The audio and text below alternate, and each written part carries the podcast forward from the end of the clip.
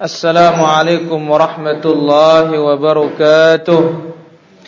إن الحمد لله نحمده ونستعينه ونستغفره ونعوذ بالله من شرور أنفسنا ومن سيئات أعمالنا.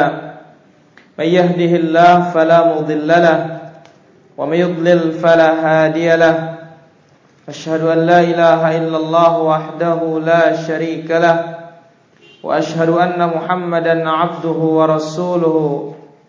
يا أيها الذين آمنوا اتقوا الله حق تقاته ولا تموتن إلا وأنتم مسلمون.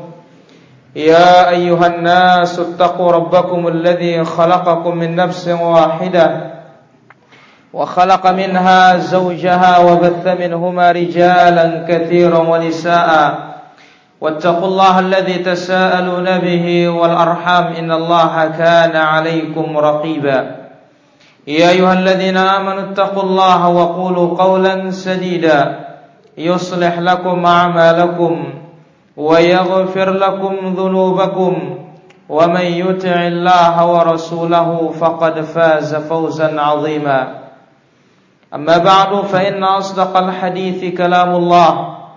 وخير الهدى هدى محمد صلى الله عليه وسلم وشر الأمور محدثاتها وكل محدثة بدعة وكل بدعة ضلالة وكل ضلالة في النار Para jamaah kaum muslimin dan muslimah Rahimanillah wa iyyakum Alhamdulillah pada kesempatan sore hari ini Sore Jumat ini kita bisa kembali hadir di majlis ilmu Dan mudah-mudahan Allah Azza wa Jalla memberikan kita ilmu yang bermanfaat dan amal yang saleh dan memberikan keberkahan terhadap apa yang kita kaji pada kesempatan ini. Kajian kita pada sore hari ini berlanjut masih yang berkaitan tentang al-Jumu'ah. Kitabul Jumu'ah.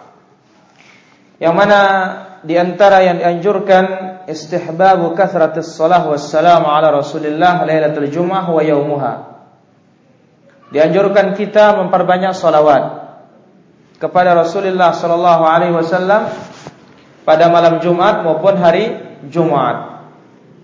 Kemudian juga istihbabu qiraati suratul kahf.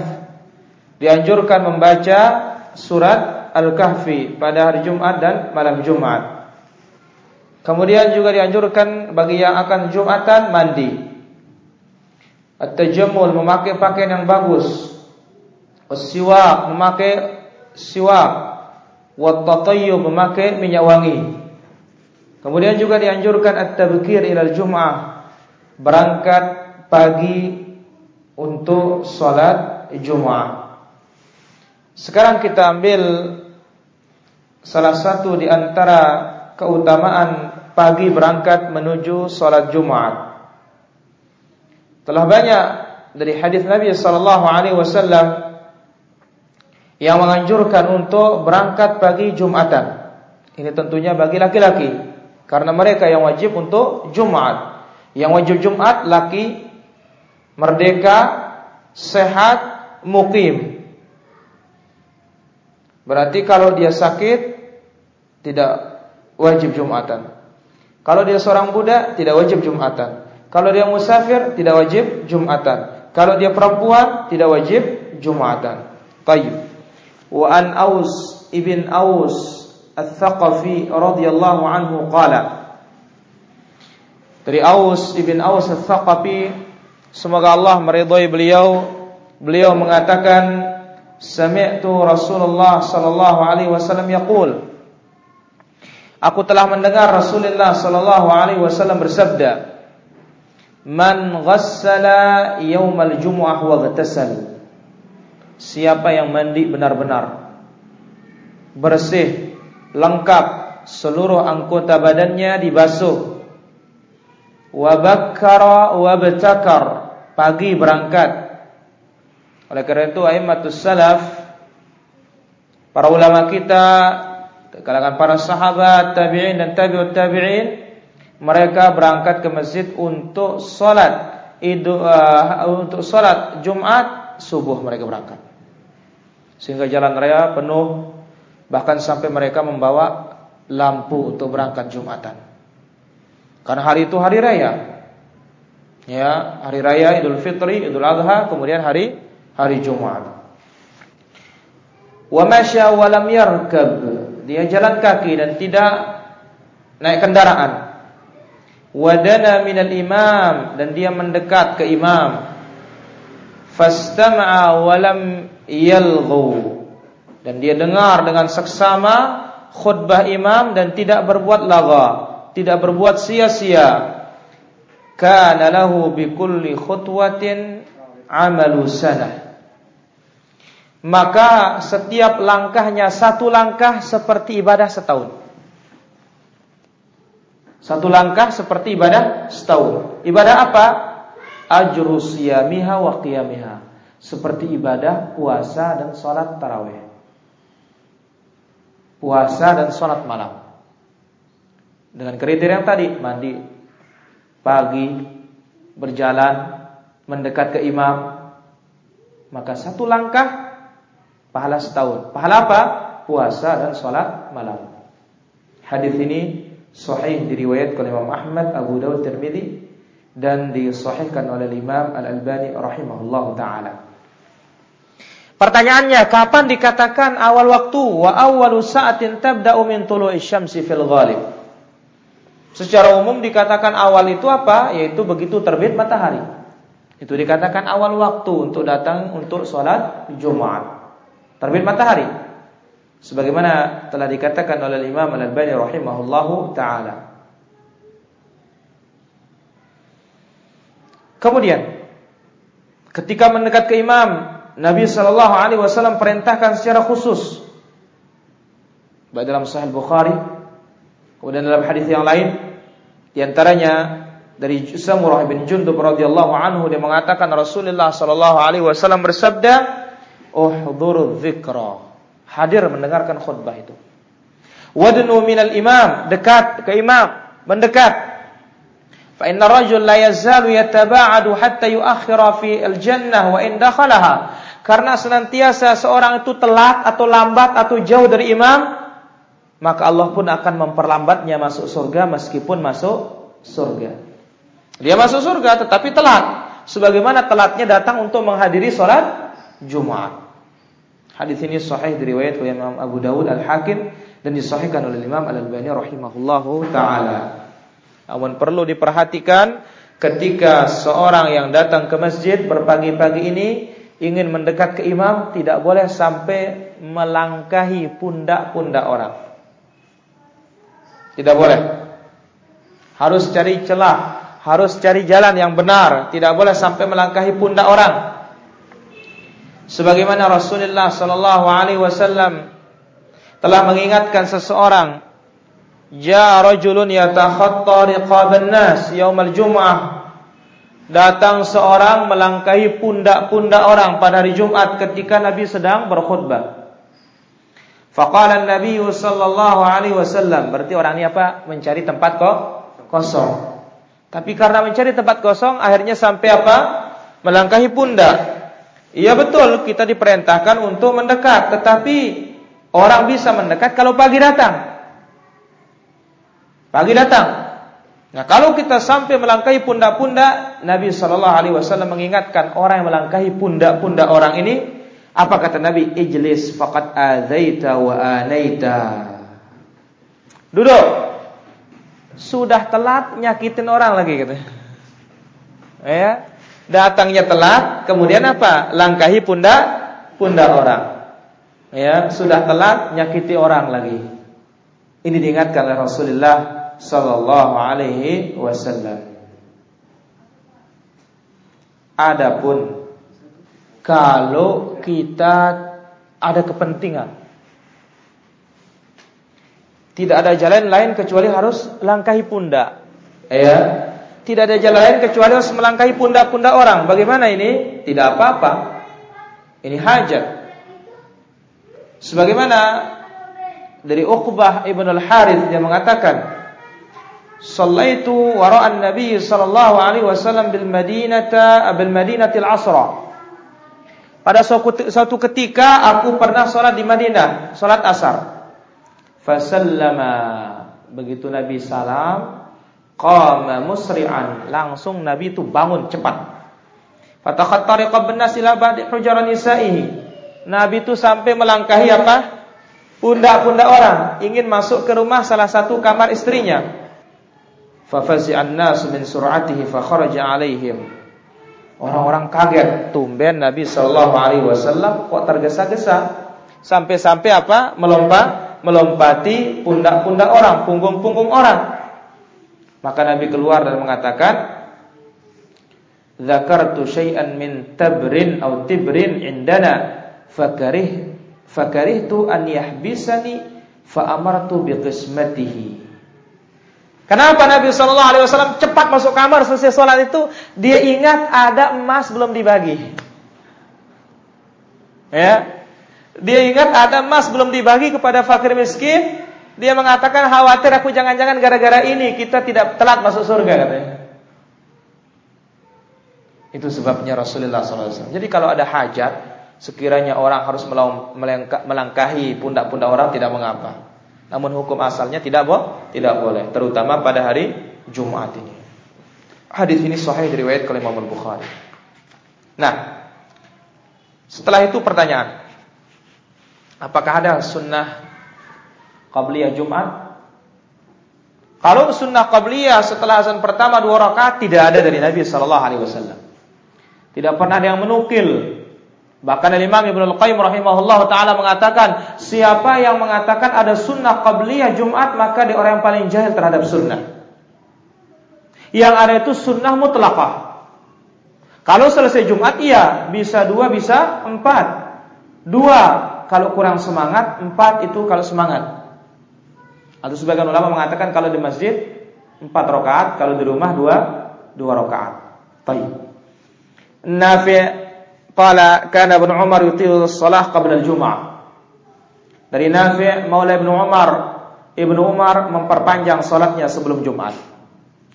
Wa yusalli ba'daha rak'atain fi baitih dan selesai Jumatan Ibnu Umar salat di rumah hanya dua rakaat. Dan ini diperbuat oleh Rasulullah sallallahu alaihi wasallam. Hadis ini sahih diriwayatkan oleh Imam Abu Dawud. Dengan demikian apa? Sebelum Jumat itu sunnah mutlaqah. Bebas berapa saja. Bukan sekedar tahiyatul masjid saja, tetapi disebut kenapa mutlak. Sampai menunggu imam datang. Sebagaimana dalam hadis yang lain dari hadis Abu Hurairah radhiyallahu anhu, Rasulullah sallallahu alaihi wasallam bersabda, "Man ightasala?" Siapa yang mandi? Thumma atal jum'ata, kemudian datang Jumat, fa shalla ma qaddara lahu. Dia salat semampunya dua, empat, enam, delapan, sepuluh, dua belas, dua salam, dua salam, dua salam. Tetapi kalau ada yang disebutkan mm, empat rakaat sunnah, maka abdolnya sekaligus. Bagusnya begitu sekaligus. Seperti mana? Empat sebelum zohor. Sekaligus empat bagus tanpa tahiyat awal. Satu salam. Tapi kalau qabliyah Jumat apa namanya? Kalau qabliyah Jumat secara khusus dua rakaat tidak ada. Tapi kalau itu sunnah mutlak iya. Berapa jumlahnya? Tidak ada jumlahnya. Yang penting selama khatib belum datang terus salat. Ini dia Nabi katakan, barang siapa yang mandi kemudian salat datang salat Jumat, lalu dia salat semampunya, thumma ansata lalu dia mendengar dengan seksama hatta yafrugha min khutbatihi sampai khatib selesai, thumma yusalli ma'ahu kemudian salat bersama imam, ghufira lahu ma bainahu wa bainal jum'atil ukhra wa fadlu thalathat ayyam. Allah ampuni dosanya dari satu Jumat ke Jumat berikutnya ditambah tiga hari, berarti sepuluh hari ampunan Allah Azza wa Jalla. Hadis ini sahih diriwayatkan oleh Imam Muslim. Sebagian para ulama menamakan sunnah ini sunnah intidhar katanya. Menunggu. Ya. Apa pun namanya yang jelas ini Nabi katakan fasallama lahu. Dia salat semam semampunya yang telah ditakdirkan oleh Allah Azza wa Jalla baginya. Baik. Adapun ba'diyah itulah dia. Bisa dua, bisa empat. Wa idza ra'al imamu rajulan ja'a wa huwa yakhtubu amrahu an yusalli rak'atain. Apabila seorang imam sedang berkhutbah lalu ada orang yang datang langsung duduk, tidak tahiyatul masjid, apa yang diperbuat? Harus imam memerintahkan harus imam memerintahkan yang datang langsung duduk ini untuk tahiyatul masjid dulu. Dari Jabir bin Abdullah qala jaa rajulun. Dari Jabir bin Abdullah datang seorang wan Nabi sallallahu alaihi wasallam yakhutubun nasa. Nabi sedang berkhutbah. Yaumal Jum'ah pada hari Jumat. Qal Nabi bertanya, ini menunjukkan bahwa khatib ini punya kekuasaan pada hari itu. Ada yang ngantuk bisa ditegur ya ngantuk bangun. Ada yang duduk di luar mari masuk, boleh. Atau ada yang fakir tolong sedekahi dia ini, boleh. Tapi kalau makmum nggak boleh bicara sama sekali. Kalau berbicara maka Jumatnya berubah menjadi zuhur dan tidak mendapatkan apa apa-apa dari Jumat itu.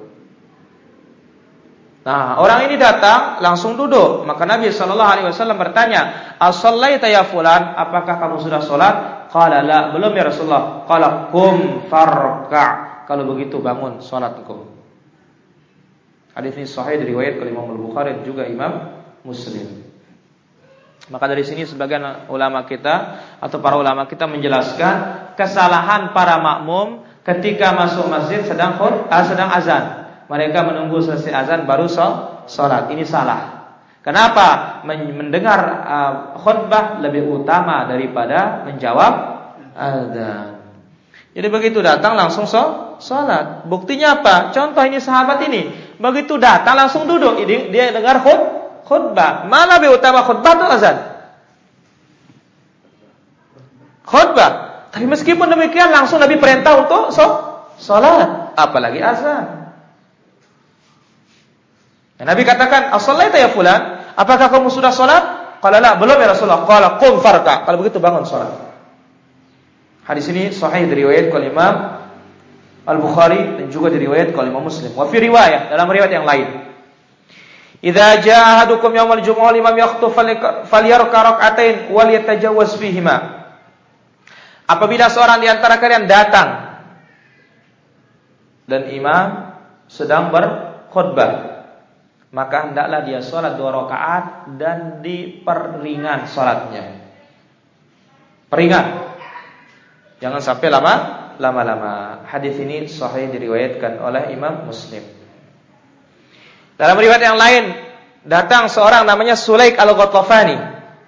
Datang dari luar langsung duduk mendengar khut khutbah. Lalu Nabi sallallahu alaihi wasallam bertanya, "Eh Sulaik, apakah kamu sholat sudah sholat sunnah?" Belum ya Rasulullah. Qala kum farka. Kalau begitu bangun salat sunnah, peringan salatmu. Ini yang ada tahiyatul masjid atau sunnah qabl apa? Sunnah mut mutlak. Adapun uh, qabliyah setelah azan pertama karena ingat di zaman Nabi hanya berapa azan? Satu azan. Kemudian zamannya Abu Bakar berapa azan? Satu azan. Zaman Umar berapa azan? Satu azan. Zaman Utsman di awal satu azan di akhir-akhir baru ditambah dua azan. Maka Ibnu Qayyim rahimahullah mengatakan, bagaimana para sahabat akan sholat meninggalkan Nabi khutbah? Ya, selesai azan bila langsung semua sahabat bangun dua rakaat. Dari mana ini gitu. Ada Sedangkan Ibnu Umar begitu melihat Nabi Shallallahu alaihi wasallam naik mimbar, ya, langsung Ibnu Umar menghadap ke mimbar. Taib. Kemudian masalah berikutnya, tahawulu man ghalabahu man ghalabahu nu'as an makani.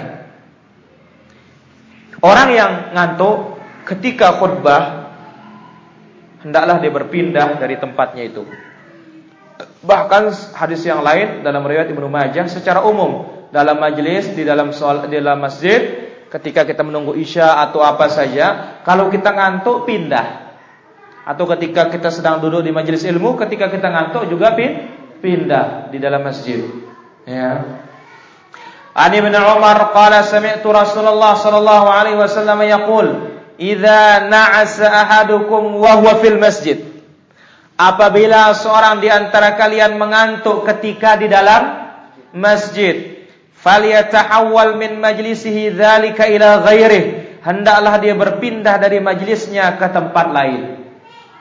Karena apa? Di sana ada syaitan.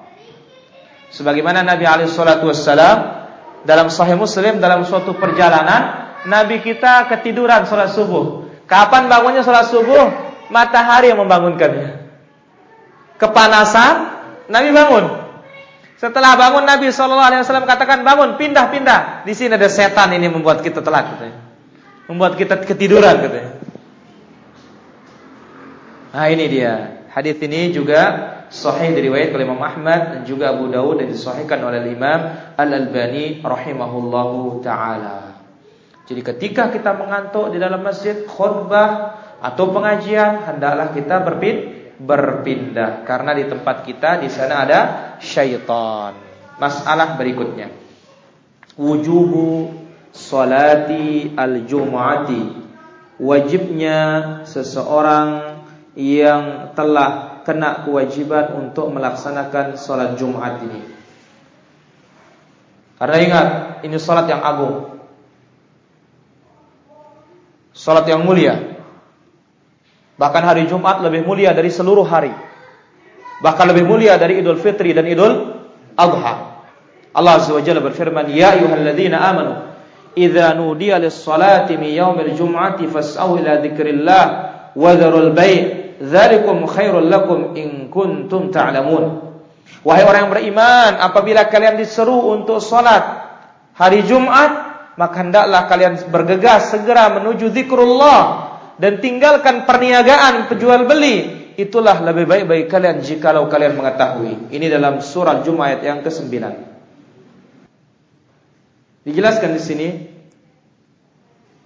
bahwa Allah Azza wa Jalla perintahkan orang beriman ketika sudah diserukan azan berangkat.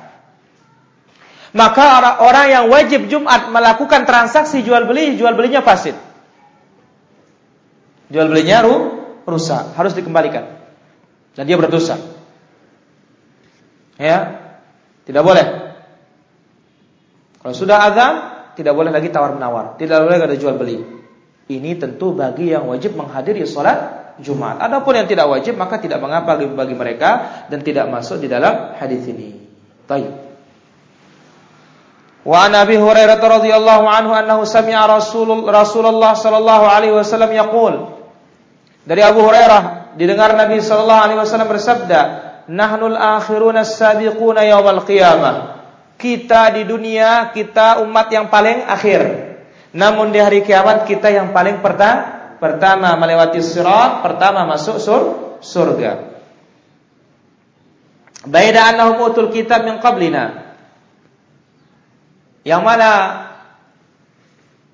orang-orang Yahudi Nasrani diberikan kitab sebelum kita. Thumma hadha yawmuhum alladhi farada 'alaihim fakhtalafu fihi. Kemudian hari ini yang mereka diwajibkan atasnya namun mereka menyelisihinya. Fahadan Allah maka Allah tunjuki kita-kita mendapatkannya. Yahudi dapat hari Sab, Sabtu, Nasrani hari Ahad. Kita hari Jumat.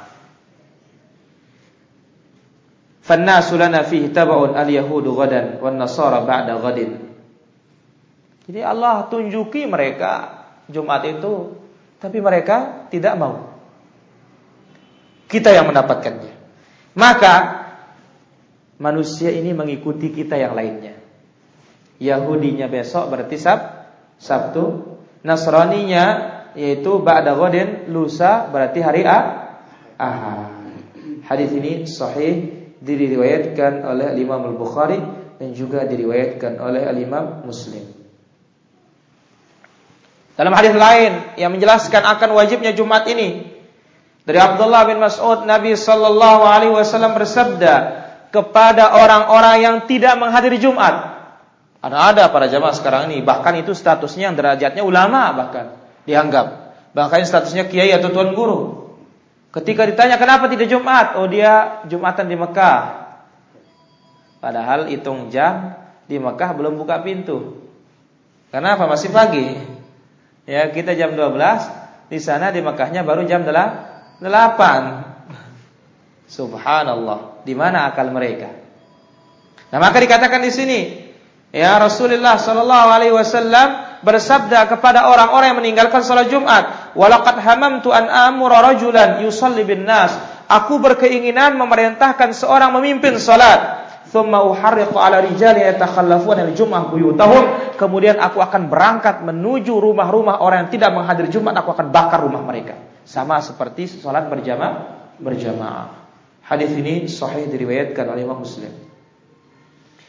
Dalam hadis yang lain Nabi sallallahu alaihi wasallam berkata di atas mimbarnya la yantahiyanna aqwamun an wada'ihimul jumu'at. Hendaklah orang-orang yang meninggalkan Jumat ini tobat.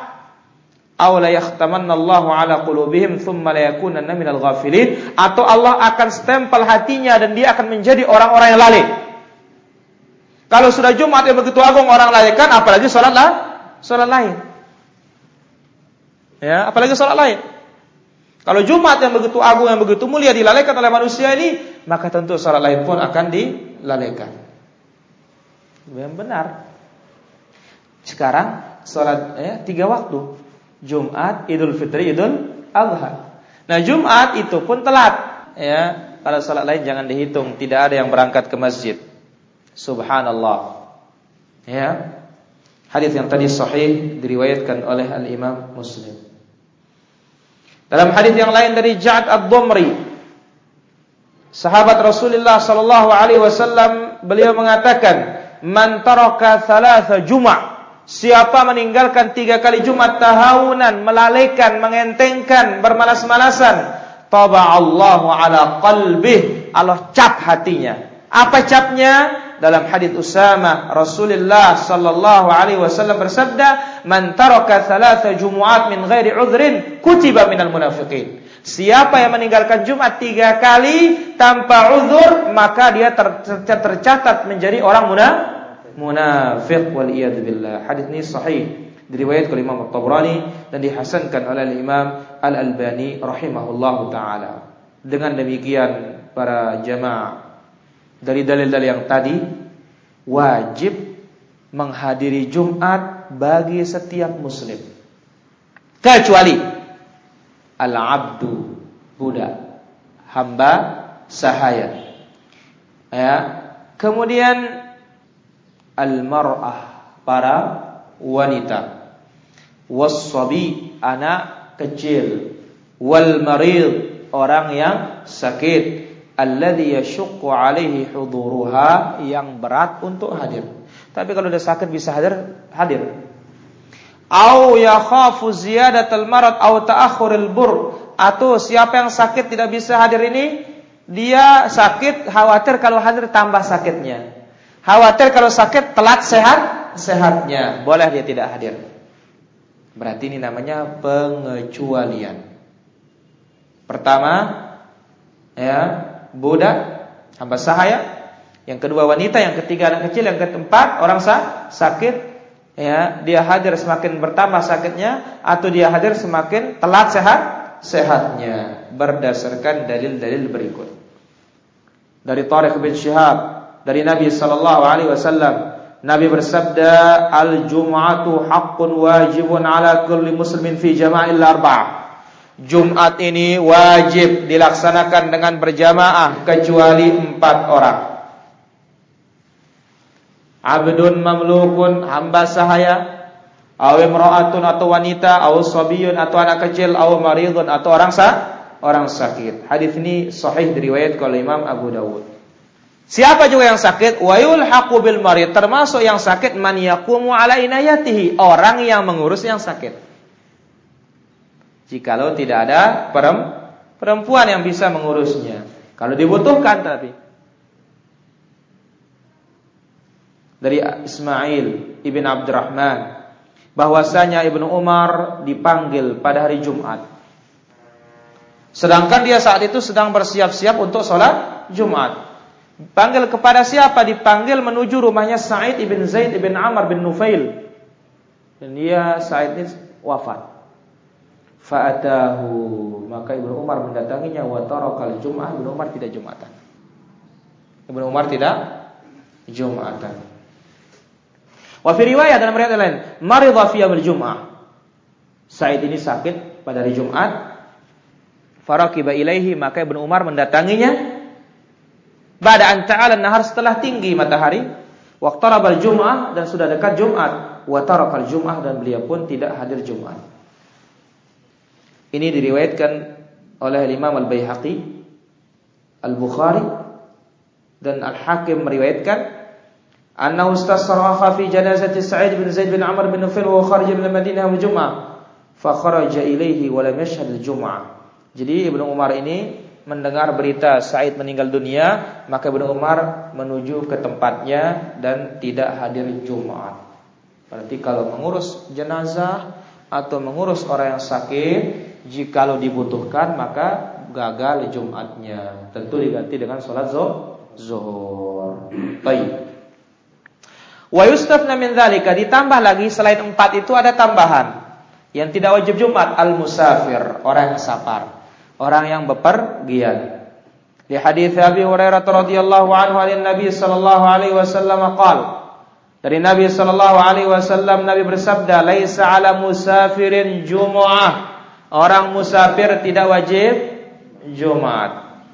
Hadis ini ya sahih.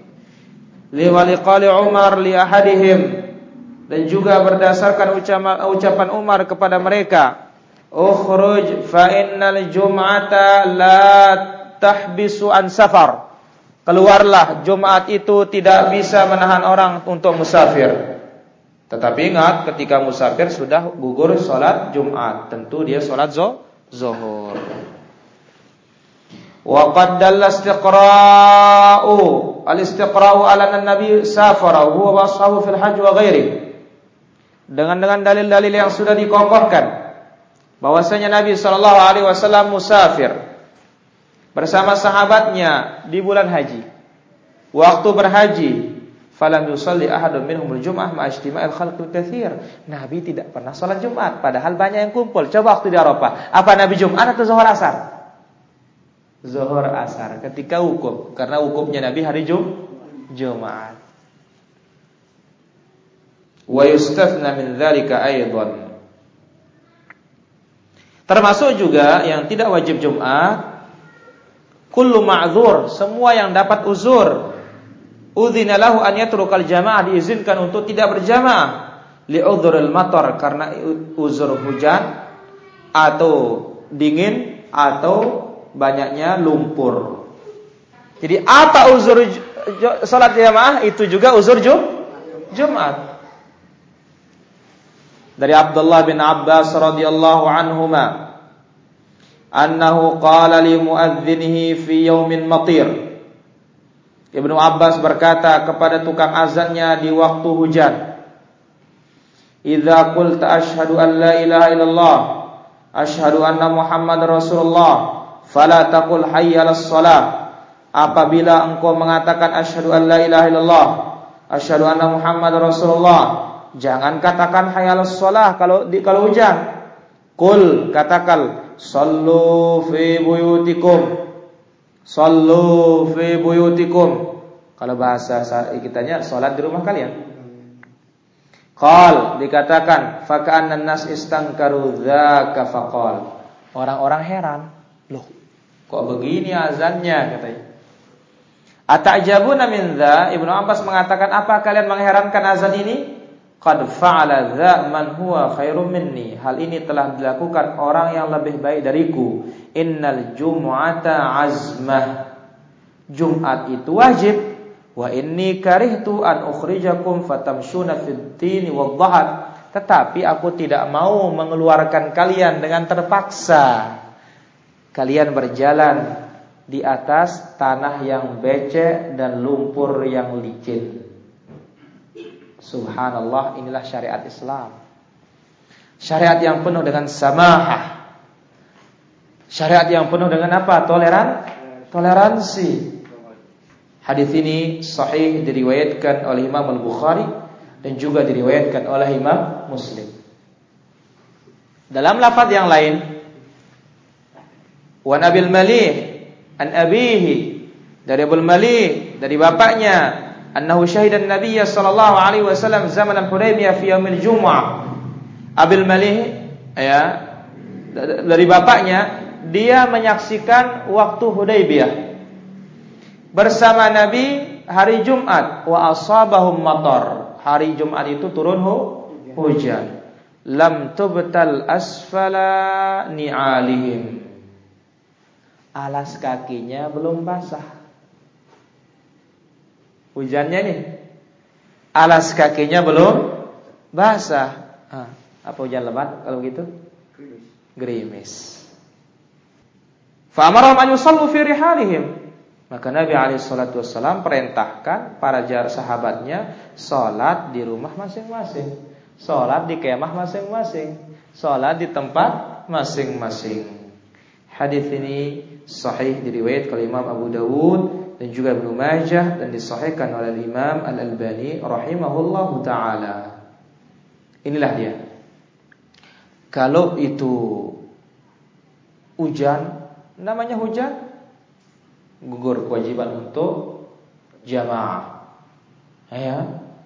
Gugur kewajiban untuk jamaah. Kemudian bagi yang di masjid tentu dia menjamak.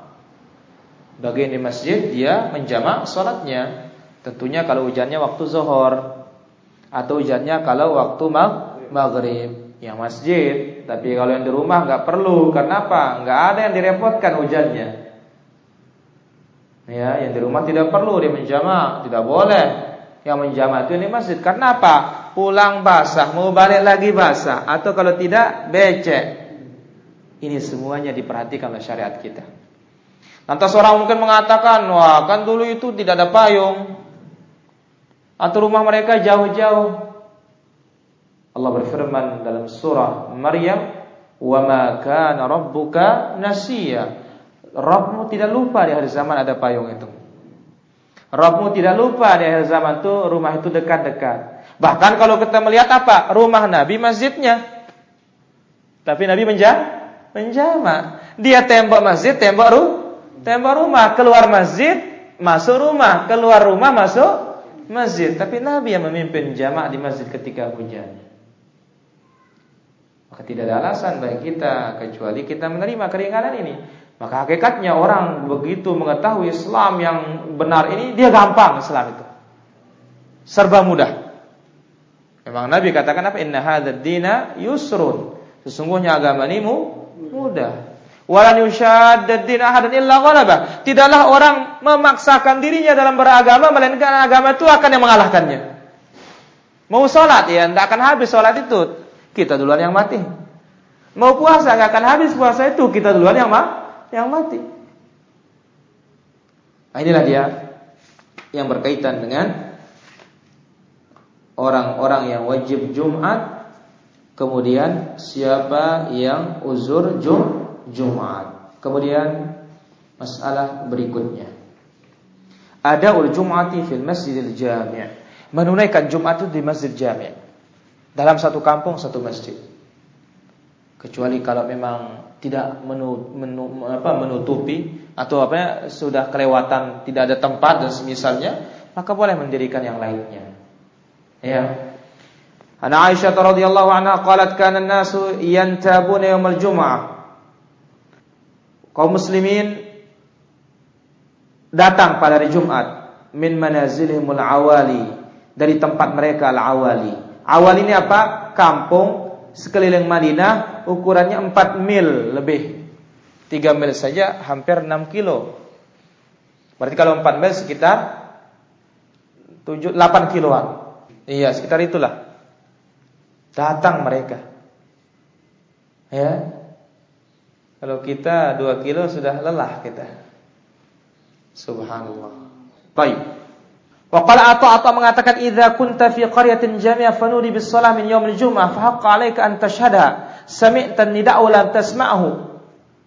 Atau mengatakan apabila engkau berada di suatu kampung lalu dikomandangkan azan Jumat maka wajib bagimu mendatanginya. Engkau dengar azan atau engkau tidak dengar.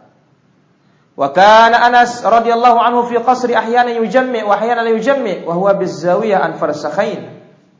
Dan Anas bin Malik radhiyallahu an ya di istananya kadang-kadang Jumat, kadang-kadang tidak Jumat. Wa huwa bizawiyah ala farsakhain yaitu tempatnya di Basrah terkenal yaitu seukuran dua farsah. Satu farsah ini sekitar 5 kiloan. Berarti sekitar 10 10 kiloan. Memang sepantasnya idealnya untuk mempersatukan kaum muslimin Jumatan itu ditegakkan di satu tem tempat. Tapi kalau memang keadaan memaksa tidak mengapa, tidak mengapa membuat yang lain. Masalah berikutnya, waktuha, waktu salat Jumat. Dikatakan dalam dalam kitab Al-Ajubah An-Nafi'ah azan Muhammadi atau azan di zaman Nabi Shallallahu Alaihi Wasallam punya dua waktu. Pertama waktu zuhur, begitu zawal, matahari condong ke arah barat. Ketika khatib sudah naik di atas mim, mimbar. Yang kedua sebelum matahari tergelincir. Gulincir, yaitu sebelum matahari condong ke arah barat ketika naik mimbar atau ketika khatib naik mimbar juga. Dan ini mazhab Imam Ahmad dan yang lainnya. Berarti kesimpulannya bahwa sholat Jumat ini mau pagian tidak apa-apa, mau waktu zuhur juga tidak apa-apa. Mana dalilnya? Dalil yang pertama yaitu ketika zawal dari hadis As-Sa'ib bin Yazid annal adzan kana awwalahu hina yajlisu 'alal mimbar. Azan itu dahulu ketika khatib sudah duduk di atas mimbar. Hadis ini diriwayatkan oleh Imam Al-Bukhari. Maka hadis ini jelas bahwa kan anal azan azan itu ditegakkan ketika ada sebab solat yaitu zawalus syams matahari condong ke arah barat dan tentu ketika khatib sedang sudah duduk di atas mim, mimbar dikuatkan juga dalam hadis ya hadis yang lain Sa'ad al-Qarab tukang azannya Nabi sallallahu alaihi wasallam beliau azan hari Jumat di zaman Nabi idza kana al-fai' mithlu. Apabila bayangan itu sudah besarnya seperti tali sandal. Artinya sudah ada bayangan di bagian timur karena matahari sudah miring ke arah ba arah barat. Ibnu Hajar rahimahullah taala menjelaskan khurujul imam ba'da sahsadiyah wa awaluz zawal. Keluarnya imam itu di awal zawal. Di awal zawal. Itu waktu yang pertama. Adapun waktu yang kedua sebelum zawal. Ya, maka kalau orang bertanya, eh sudah masuk waktu, dari tadi dia masuk waktunya Jumat itu. Tapi kalau dikatakan masuk waktu zuhur, ya kalau sudah zawal baru masuk waktu zuhur. Nah, khusus Jumat ini Jumat itu punya dua waktu. Sebelum zawal itu waktunya, kemudian zawal itu juga waktu waktunya dengan dalil-dalil. Pertama, dari Salamah ibn al-Aqwa dia mengatakan kunna nujammi' kami salat Jumat ma'a Rasulillah sallallahu alaihi wasallam bersama Nabi sallallahu alaihi wasallam idza zalatis syamsu ketika matahari sudah condong ke arah barat. Thumma narji'u fanatatabba'ul fai' kami pulang cari bayangan-bayangan. Berarti apa? Khutbahnya sebelum zawal, salatnya setelah zawal. Hadis ini sahih diriwayatkan oleh Imam Al-Bukhari Muslim. Kemudian dari Anas dia mengatakan anna Rasulullah sallallahu alaihi wasallam kana yusalli al-jum'ata hina tamilu syams. Nabi sallallahu alaihi wasallam salat Jumat ketika matahari condong ke arah barat. Berarti khutbahnya sebelum sebelum condong, salatnya baru setelah condong. Kemudian juga dalam hadis Jabir radhiyallahu anhu kana Rasulullah sallallahu alaihi wasallam Idza zalatis syamsu shallal jum'ah. Nabi apabila sudah condong ke arah barat matahari baru salatnya. Semuanya ini dengan bukti yang jelas bahwa khutbahnya Nabi yang kita ketahui didahulu oleh dua khut, khutbah pada hari Jumat ya, dibacakan Quran, dia mengingatkan orang lain bahkan membaca surat Qaf, maka ini menunjukkan bahwa khutbahnya Nabi sebelum zawal Sholatnya ketika zawal. Ala kulli hal, mana saja yang dipraktikkan semuanya ini sahih dari Rasulullah sallallahu alaihi wasallam tidak ada celaan bagi yang melaksanakannya. Nah demikian para jamaah yang dirahmati Allah azza untuk kajian kita pada kesempatan sore hari ini mudah-mudahan bermanfaat. Wassalamualaikum warahmatullahi wabarakatuh.